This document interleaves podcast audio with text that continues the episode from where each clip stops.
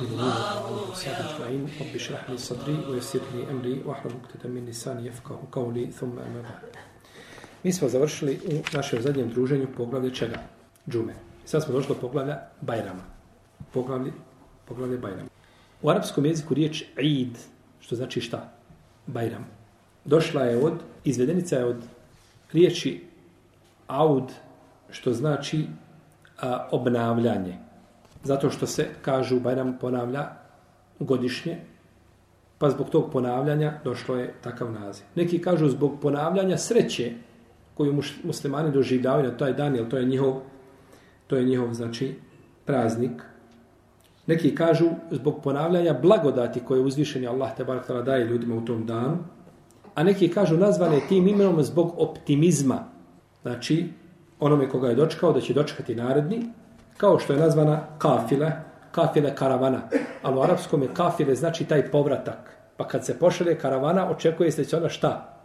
Da se vrade, neće negdje o putu zalutati, pa ode sam, znači, i metak, jeli, s tom karavanom.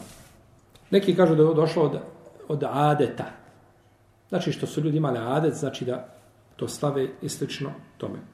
A, prvi bajram, klanjao je poslanik, sallallahu sallam, bio je Idul Fitr, Ramazanski Bajram, koga je klanjao druge godine po Hidžri. I Bajram je jedan od simbola Islama i dolaze, nalaze e, hadisi o tome su mutevatir. Mutevatir predanja su šta? Na neku definiciju mutevatira. Mut...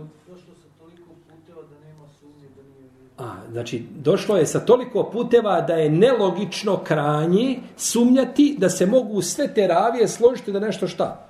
Izmisle tako. To je znači mutavatir predanja. Pa se došla mutavatir predanja, a ova o kojima govorimo, ona će biti ahad ovaj, jeli, u ovome, u ovome našem poglavlju. Ljudi su u džahilijutu imali koliko dana? Imali su nekoliko dana koje su slavili i veličali i igrali se u tim danima, zabavljali se, pa je to uzvišenje Allah te bar tala zamijenio sa dva dana Bajrama. I u ovim danima ljudi i a, zahvaljuju stvoritelju Tebarak Tala na blagodatima i badeta prvi dan kada je Ramazanski bajram zahvaljuju na čemu? Na upotpunjenom toma i badetu znači posta a kada je kurbanski onda zahvaljuju na čemu? Na posebno na hađu Znači, prije toga je bio dan refata, znači na hađ, i toga dana, znači, upotpunjava se, znači, obavlja se tavaf, i upotpunila se, znači, glavnica hađa se upotpunila kao najvećeg, ili, kao najvećeg ibadeta. Imam Šafija kaže da je to pritvrđeni sunnet i to je mišljenje imama Malika i većine islamskih učenjaka. Imamo i mišljenje da je to fard kifaje, ako ga obavi dovoljna skupina ljudi da spada sa ostalih. Imamo mišljenje da je to obaveza svima i to se navodi debu Hanife, a imamo i drugo mišljenje da je to sunnet i neki hanefijski učenjaci kažu da je to sunnet koje koji je kolektivnog karaktera, znači fardu, odnosno fard koji je kolektivnog karaktera, da je to fardu kifaje, a većina učenjaka dokazuje da je to sunnet hadisom u kome se kaže pet namaza je uzvišeni Allah propisao ljudima. Ko bude ih obavio, Allahu je obaveza, Allah je sebe obavezao da će ga uvesti šta u džennet. Pa je pet namaza, znači misli se na pet propisanih namaza. Jer ovdje se vodi razilaženje ako je, ako kažemo da je vađib ili fard, onda oni ljudi koji ga ostave, protiv, će, protiv njih će se povesti borba, halifa će povesti borbu protiv njih, kaznit će ih. Moraju ga znači obavljati. A kažemo da je sunnet, onda ne bi moralo. Iako ima neki e, učenjaka za sunnete, kažu da se borba vodi. Tako spominju malikijski učenjaci za kurban, tako spominju hanefijski učenjaci za ezan i slično tome. Iako to smatraju sunnetom, ali kažu, ako ostavi jedno podneblje, kurban, halifa pripremi vojsku i ide. Ide da ih kazni da ih prisili da šta? Da kolju kurban. A ako jedna jedinka ostavi ili dvojica ili deseterica u jednom mjestu ostavi, to nije sporno. Ali da se svi dogovore, kažu, e, ove godine dosta više kurbana. Živi bili, imamo mjesec prošle godine, nećemo ove godine klati niko ništa. E, ako se tako dogovore, onda je to neispravno. Jer to je izbjegavanje, znači, jednog od islamskih simbola. U ovome poglavlju autor je spomenuo pet hadisa. Imamo hadis Ibn Omara, on jedan kratak hadis i njime ćemo završiti. Kaže Abdullah ibn Umar, Abdullah ibn Umar radijallahu anhuma kale, kane Rasulullah sallallahu alaihi sallam wa Abu Bakr wa Abu Bakr wa Umar yusalluna Eid qabla. Od Abdullah ibn Umar radijallahu ta'ala anhuma se prenosi da je rekao Allahu poslanik sallallahu sallam i Abu Bekr i Umar su klanjali Bajram prije hutbe. Klanjali su Bajram prije hutbe. Dobro. Pogledajte ovaj hadis. Kaže u njemu Abdullah ibn Omar, Allahu poslanik sallallahu i Abu Bekr i Umar su klanjali Bajram prije hutbe. U redu, spomenuo je riječ poslan, praksu poslanika sallallahu I to je izvor čega? Šerijata, je tako? Što nam spominje praksu Ebu Bekra i Omara? Kakve veze? Zašto? Ako je Allah poslanik za nešto praktikovo, može li to promijeniti Ebu Bekra ili Omer ili bilo ko drugi nakon toga? Ima neko da, pravo da radi suprotno tome? Da Ebu Bekri i Omer da su radili suprotno, bi to bilo validno? Ne bi. Pa što onda on spominjao? Lijepo. Imamo sunet Allahov poslanika sa osam. Znate zbog čega već? A imate li šta? A, šta to znači? Pa da su dalje praktikovali Šta to znači? Ja hoću propis šarijatski iz toga. To definitivno. Sledite mene i ova dvojica druga.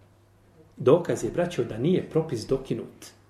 Možda je Ibn Omar vidio poslanika, sa osvijem klanja jedno vrijeme šta? Bajram i posle Bajrama drži šta? Hutbu. I nakon toga prenosi ono što je vidio. I nakon toga, pred smrt, ne znam, godinu dana, taj propis dokinut. Ibn Omar nije bio tu, bio je na putu i ne zna da je propis dokinut. Pa ti hoće kazati, dok su Ebu Bekr i Omer to praktikovali i ljudi bili tu i niko se nije bunio, znači taj je propis po, ostao aktuelan do smrti poslanika sa osrme i nije nakon toga šta? Dokinut. Ovo je jako bitno. Znači, nakon poslanika, sam sam praksa Selefa, u čemu ćemo, u čemu ćemo ako Bog da nešto spominjati u našem narednom predavanju, one subote tamo kada ja budem dolazio 25. koji je, nešto ćemo tome spominjati. Znači, jako bitna stvar za muslimana. I ovdje je to Ibn Omer time ukazao na ovu činjenicu. Na šta? Praksu, znači, kako su ashabi vidjeli, na čemu su, na čemu ih je ostavio poslanik sa osaname i kako su oni nakon toga, znači, nastavili to, jeli, radi. Pa to nije, znači, nije dokinuto. Pa bi to bio onda konsensus ashaba u tom vremenu, znači da se tako radi. A to svakako, slijedite ovu dvojicu posle mene, Bubekra i Omara, znači, to je hadis koji je vjerodostojan gdje ima Mahmed i Hakim i drugi, i hadis ovaj znači da su Ebu Bekr i Omar najbolja dvojica ashaba u pogledu mišljenja. Kad se raziđu Ebu Bekr i Omar, a ni jedan ni drugi nemaju dokaza, slijedimo Ebu Bekr. Kad se raziđe Ebu Bekr sa bilo kim drugi od ashaba i Omar, sa bilo drugi od ashaba, a niko nema dokaza, njihovo mišljenje je šta? Mirodavnije. Jer nas je poslanik, sa osrme, uputio na koga? Na njih dvojicu posebno. I zato kaže Ibn Taymi, kaže Zebu Bekra, kaže Subhanallah, kaže, skoro da tom čovjeku ne možeš, kaže, naći ni jedan stav, ni jednu situaciju da je uradio suprotno Kitabu i Sunnetu. Kopaj po Ebu Bekrovim mišljenjima i kada je odlučio da ubije i da se bori protiv otpadnika koji su niste da zekijati, pogleda, gdje god da pogledaš Ebu Bekru uvijek desetku pogleda. I zato je rekao poslanik, šta, slijedite ovu dvojicu poslije, poslije mene. Jesi. Iako Ebu Bekrovi hadis koji je prenio je malo, odnosno Ebu Horeiru, odnosno Ibn Abbas, odnosno na Ajšu, odnosno na Džabiru, odnosno na... Ali nije sve, braćo, u obimu znanja. Jeste, obim znanja je bitan. Ali imate ljudi nosi znanje, znači, ovaj, ali to znanje ili ne zna prenijeti, ili, ili koristi grubost kada ga prenosi, ili, pa je, znači, to treba, ja sam slušao jednog šeha, on je zaista, znači, on je enciklopedija. Enciklopedija. U svakom pogledu. Veliki alem današnjice. Ja da ga sretnem, ja bom cipelu poljubio. Allaha mi, znači, cipeli bom poljubio. Ali, jedan ga je čovjek nazvao i govori mu hadis poslanika, znao sam. Pa je promijenio malo one, one vokale. Kaže, ni, a on ga popravlja. Nije, kaže, tako nego ovako. Ma dobro, ali ovaj obični čovjek, on ne zna kazati mlijeko, on zna kazati mliko. Tako, ne zna kazati čovjek, on kaže čovjek. I on je tebe nazvao u studiju, on tako priča, on ne zna drugačije. Ali se zna cilj, on nema namjeru mijenjati čije riječi. Poslaniko je sa osrme. Jer nije, kaže Allah poslanik, sa osam nije griješio. Ne možeš naći Allahom poslaniku, sa osam grešku u arapskom jeziku da kažete, e ovdje mjesto fethe je stavio damu i lobra, to je nemoguće. To je kod ashaba bilo obični nemoguće da pogriješa. ne kažemo poslanik, sa osam Kaže, nije pa ga popravio, kaže, nemoj, kaže, lagati na poslanika, sallallahu alaihi vseleme, kaže, nije on tako govorio. Pa nije on lagao na poslanika, živio. Allah te poživio da od svako dobro. Pa čovjek može ponekad imati puno znanja, ali u datom momentu, u datom momentu možda koristi metod koji nije najadekvatniji. Pa kako je govorio, kako je govorio Selef, kaže, nemojte sa svojom grubošću rastjerati ljude oko sebe. Pa kaže da vaša grubost poništi istinu koju nosite. Čovjek nosi istinu, i grub sa ljudima. I ta grubost šta radi sa istinom? Pomnoži je sa nulom. I ljudi to neće? Dobro. Pa ovdje vidimo znači da su klanjali Ebu Bekri Omar Bajram kada u odnosu na hudbu? Hoćem kazati. Klanjali su Bajram prije hudbe. Klanjali su Bajram prije hudbe. Prvi ko je promijenio da hutba bude prije Bajrama, bili su Benu Umeje. Bili su Benu Umeje. Šta su radili? Oni su uveli a, u svoje hutbe proklinjanje ljudi. Hvale vladare svoje koji su tu, a proklinju koga žele proklinjati. Pa kad bi se klanjao Bajram, ljudi dok to čuju odmah jedan po jedan na vrat. I ti ostaneš sam pričaš, niko te ne sluša. Je tako? Jer ljudi neće, ne, ne mora ljudi takav metod. Ovaj ovakav, Allah ga prokleo, ovaj ovakav, e, ružne riječi, znači vrijeđanja i tako dalje. Pa se ljudi kupili izlaz jedan po jedan. Kažu, ne, ne, morate vi nama doći. Dođi ovdje, sjedni i slušaj. Ako hoš namaz gledati, moraš sjesti. A kad sjedneš, onda ja prvo isproklinjem, ispričam što ima, pa ćeš onda klanjati. Pa su i šta tako? Prisilili da slušaju, znači, ono što su radili, jeli, od, od e, neispravnosti u smislu jeli, vrijeđanja i proklinjanja drugih ljudi. Neki kažu da je prvi ko je uveo ovo, da je to bio Osman radijallahu ta'ala anhu, da je on pod kraj svoga hilafeta prvi klanjao, ima jedan rivajet od Omara, kaže autor da nije ispravan. Ima rivajt od Omara, ali kaže stav da nije ispred da to Omar radio, vidjet ćemo li ispravno. doćemo do njega, vidjet ćemo li ispravno. Drugi kažu da je to radio, da je prvi koji je, da je to bio Muavija, neki kažu da je to bio Mervan u Medini, a on je bio namjesnik Muavije, gdje u, za vrijeme hilafeta Muavije, jer je Muavija bio gdje u Šam, on je bio njegov namjesnik, znači u Medini i to se spominje, znači e, najviše i to se njemu puno pripisuje. Neki kažu da to bio Zijad u Basri koji je isto isto namjesnik bio vreme hilafeta Muavije, neki kažu da to bio Ibn Zubeir i znači ovo su glavno mišljenja koja se navode, koje je šta prvi izmijenio ovu praksu, znači da bude prvo šta, hutba pa onda namaz kao kod džume, da bude kao kod džume. Ali kažu nakon toga se opet se ulema složila pa su prihvatili sunnet poslanika, sa evo Bekra kako je bila, pa su opet nakon toga znači nastavili kako je bilo. Ovdje imamo rivajetu u dva sahiha da je to bio Mervan, tako došlo od Isevo Sidel Hudija, da je to Mervan prvi znači uradio. Kad je Jad kaže da je ulema složna da se hutba drži poslije znači namaza, I tako je radio poslanik, sa njegovih hulefaj Rašidini, ali se kaže prenosi od Omera da je tako uradio, a, da bi ljudi mogli stizati na namaz. Jer ako prvo klanjaš, šta ljudi promaši ga? Namaz. A ako držiš prvo hutbu, onda ima vremena ljudi šta da? Da stignu. Ali kaže, to nije sahih. Kazali smo, vidjet ćemo, je li sahih. Ibn Kudame kaže, ne znam razilaženja među muslimanima, osim od Benu Umeje, kaže, navozi se po tom pitanju, navodi se razilaženje, od, odnosno mišljenje od Ibn Abasa i, i, i Ibn Zubeira, ali kaže, nije to vjerodostojno prenešeno, znači, od njih. Iako je, kaže, Beno Umeje to promijenio, to pleme Beno Umeje ako je promijenilo, pa je uvelo da bude šta? Hutba prije namaza, kažu, prije toga je bio konsensus učenjaka i dužno se vratiti tom konsensu i to je onda bidat. Imamo, znači, rivaje da je to bio Merovan, imamo da je to bio Osman.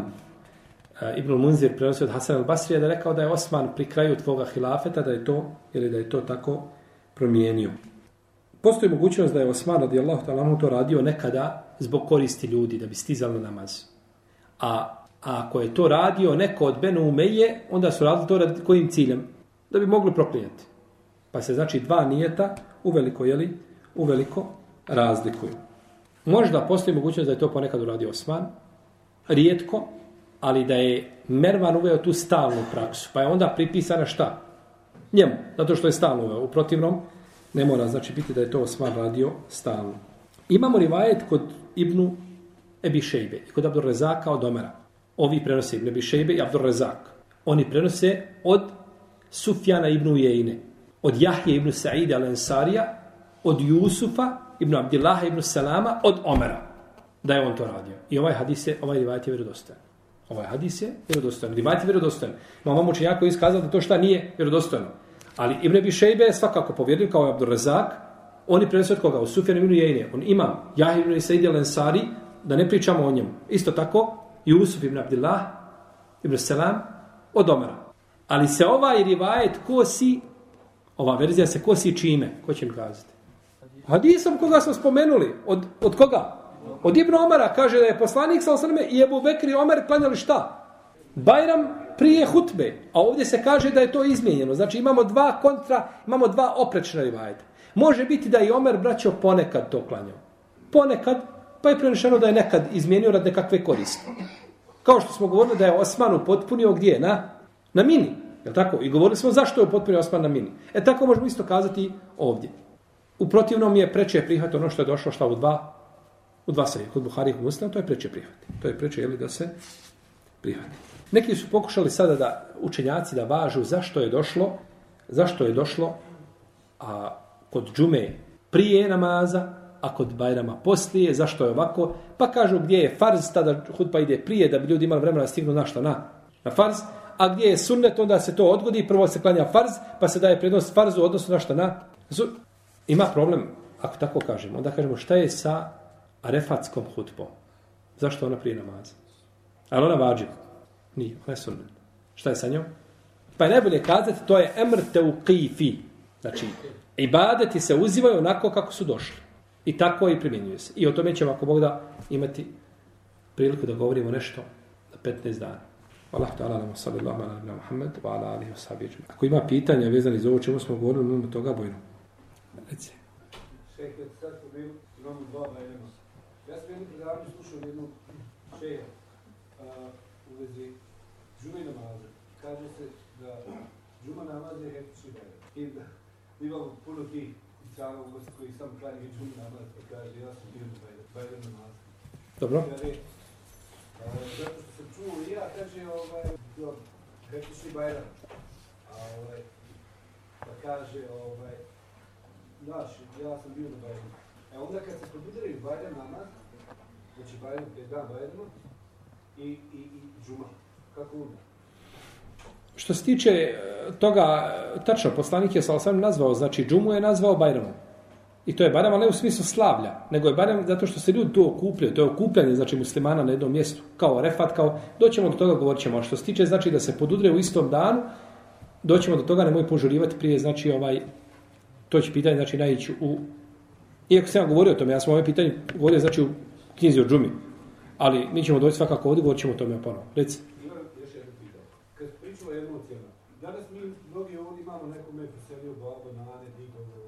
u vezi hađe. Kaže, hoćemo da obavimo hađ za nadu, za. Ja postavljam sam jedno pitanje, da li je moguće obaviti i da li se treba obaviti hađ za nekoga ko nije klanio? I da li je ispravno? Pazite, ovo je pitanje jako bitno. Mi mnogi danas ovdje sjedimo koji imamo nekoga u familiji koji nije nikako klanio, a obavljamo hač sa njima. A sad ne znamo da li je ispravno, da li je ovo uopšte hač tako, tako osoba. Kod većine islamskih učenjaka, osoba koja je umrla, nije klanjala, je musliman. I dozvoljeno je da joj se dovi, da joj se dženaza klanja su kopom muslimansko mezarje, dozvoljeno je da se obavi za nju hađ, da se daje sedaka i sve da se čini ko za bilo kog drugog muslimana grišnika. To je stav većine islamskih učenjaka, tri mezheba mino hambelijskog definitivno, a i veliki broj hambelijskih učenjaka, čak i Bruku Dame u svome dijelu Mugni, je odabrao mišljenje, znači, o tome da takav čovjek ostaje u krugu islama. To je razilaženje. Tako da, nije do, znači ispravno nikako a, ovo pitanje tretirati kao pitanje jednoglasnog stava. Ja sam skoro bio, putovao sam, bio sam gostu u jednom džumatu i tako govorim da postoji razilaženje oko pitanja ostavljača namaza. Kaže mi čovjek, kako kaže razilaženje? Kako razilaženje? Zar to nije jednostavno sva ulema složna da je to da je on nevjernik? To su pogrešno objeđenja. To je pitanje fiksko oko koga postoji razilaženje među ulemom. Pa čovjek koji smatra da je njegov babo ili nena ili tetka ili nije bitno komšija preselio bez namaza, ali je pored toga bio u krugu islama i nije ničim drugim izašao van okvira islama i ubijeđen je u to obavi hač, molim Allah da ima nagradu. A čovjek ako smatra da je ostavljač namaza da nije musliman, znači ostavio namaz i time nije musliman, ne obavlja, ali ja to mogu praktikovati i držati za sebe. Ali ja i sada javno, koliko god nije radio, Znači, postoji nešto zove fik i razilaženje među lemom. I prema tome mi moramo imati znači, široka prsa. Pa ko želi da obavi, obavi. Molim Allah da primi od tebe shodno tvome ubiđenju. U protivnom, ovaj, čovjek ima pravo znači da smatra jeli, jedno od dva mišljenja i jedno i drugo mišljenje dehlu suneta od džemata i neće koristiti Često ljudi kažu, dobro, a šta ti misliš? Ništa neće koristiti šta ja mislim i šta ti misliš, šta peti misli. Ako se različila Ebu Hanife i Malik i Šafija, ima Mahmed i učenjaci Selefa, različite se po tome pitanju, neće koristiti ništa što mi mislimo. Jer to, to, je, to je pitanje da li postoji znači razilaženje njima. Pa to čovjek radi shodno svome ubjeđenju. Yes. Ali ne treba znači vidjeti čovjeka kao pitanje mesa. Zaklao komšija meso koji ne klanja. I ti, ti smatraš da je to čovjek musliman, on ima pri sebi radi nešto, ponekad ode možda na džumu, ode na bajram, on nije time izišao van oko je ja idem to meso. Ne treba kazati taj čovjek jede haram i hrani sebe haramom. Ti ne moraš jesti ako nećeš. Ali nije to isto kao došao i zaklao budista i ti jedeš njegovu hranu. Je u redu? Jer oko budiste nema razilaženja. To je haram ko sve uleme i to je zabranjeno. A čovjek koji ostavi namaz i razilaženje. I zato tu treba znači čovjek imati elastičnija prsa i pristupati tim pitanjima oprezno, A ako da bereš jedno mišljenje, nemoj ga nužno drugima naturati da mora svako, znači, slijediti ono što ti vidiš. Jes. I to se veže za druge stvari. Za brojne druge stvari. Znači, to pitanje ostavljača namaza veže za brojne druge stvari. Ne samo znači za pitanje ovaj, jeli, dženaze i mesa njegovog i tako dalje, nego se veže, veže za stotine drugih stvari. I, i zato ovaj, Ibn Kudame spominje u Mugniju, kaže, nikad nije zabilježeno da je u historiji čovječanstva da čovjek nije ukopan među muslimane zato što je ostavio namaz. A kaže, koliko je ljudi kroz generacije ostalo namaz? Znači, niko nije bio od halifa da je neko bio i da kaže, eh, dosta nije klanjao, mičite ga van, ovaj, neće među muslimane. Uvijek ukopan među muslimane. Tako da, oko tih pitanja, znači, ne treba da čovjek žuri, ovaj, nego treba gledati da prvenstveno da popravi. Jer mi, mi ćemo gledati komšiju da ne klanja. Cijeli život da ne klanja, gledam ga. I kad umre, kaže, neću ja na dženazu, kefirčina jedna, ću ja dženazu klanjati. Dobro, lijepo. A gdje si ti bio dok je on bio živ, bio da ga pozoveš i da mu se osmijehneš u lice, da kažeš komuš, hajmo kafu popiti, da, da konekciju nekako sa njim uspostaviš, da ga pozoveš, da nema me nigdje. Nego kad umre, onda ga očafirim. Pa to, to zna svako. To svako može i to je najlakše. Nego znači da se potrudimo malo oko ti ljudi, pa onda ako kažeš ne, ja sam ga pozivao cijeli, ja sam ga pozivao tri godine sam sa njim. Dao sam mu CD-eva i kaseta pola kamiona. I mogao je čuti, vidi, nije ti uklanjati, neću mi ja klanjati dženaze, svaka čast, nemoj mi klanjati dženaze. Jer nije ti bio oho. A ti nisi ti ništa raditi, nego gleda u njega kako on to ne, nećeš ništa da radiš, ni, ni, ni, ni ovaj, bilo čime da, da, da ga opomeneš i tako dalje. I onda nakon toga, mislim da je, da je tu vid, ovaj, što mislim da, da, da je tako radio poslanik sa osam sa ljudima. Ili da je neko ko je tebe pozivao, ko je tebe, sjeti se onoga ko je tebe pozivao i ko je tebe e, davetio. Koliko je se strpio s tobom, koliko je sabura imao, koliko ga je glava puta morala zaboljeti od tebe. Da te je ostavio nakon prvog puta, je tako? Pa je čovjeku bitnije da bude daje, nego da bude kadija.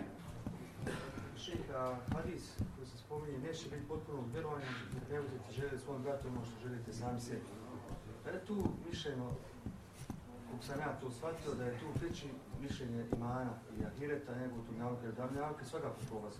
Da mu želiš da ima iman, da klanja, da posti. To svakako, to prevashodno, to je ciljano u prvom redu, ali i dunjalučke stvari. Da, svakako. I dunjalučke stvari svakako, znači dok ne bude želio svome bratu muslimanu, ono što želiš sebi. Čovjek musliman kupio sebi lijepo auto, ti izgori od muke. Zavidiš. Pa ne, želiš ti sebi tako auto, pa želim živio, kako ne bi želio? Pa želi njemu. Nemojmo znači zavidjeti. Pa to se odnosi znači na jedno drugo, ali svakako znači prema je time ciljan je li ovaj je li pravi uspjeh je ahiretski uspjeh, jest. Jer kaže se u jednom hadisu minel khair, da želi svom bratu muslimanu što, što želi sebi od dobra. Imate ljudi ljudi koji ne želi sebi dobro. Imate ljudi koji se fikseju, koji ne koriste, jel tako, droge. Želi on to sebi? Želi. On bi to želio i tebi imenu, kaže, vi znate kako lijepo, vidi, sutra bi to probali. Ti dok to uzmeš, ti već lebdiš, ti već gore negdje, lijepo ti. I on to mene želi, ali to nije od čega? Od hajra koji je došlo u jednoj verziji da iskaže minel hajr. Pa je šarijet ograničio od hajra. Pa da kaže na sudnjem danu, Allah, dragi, ja sam želio svoju braću muslimanu ono što želim sebi. Ali kažemo, to nije bilo od čega? Od hajra pa nemaš nagrade, imaš samo kaznu.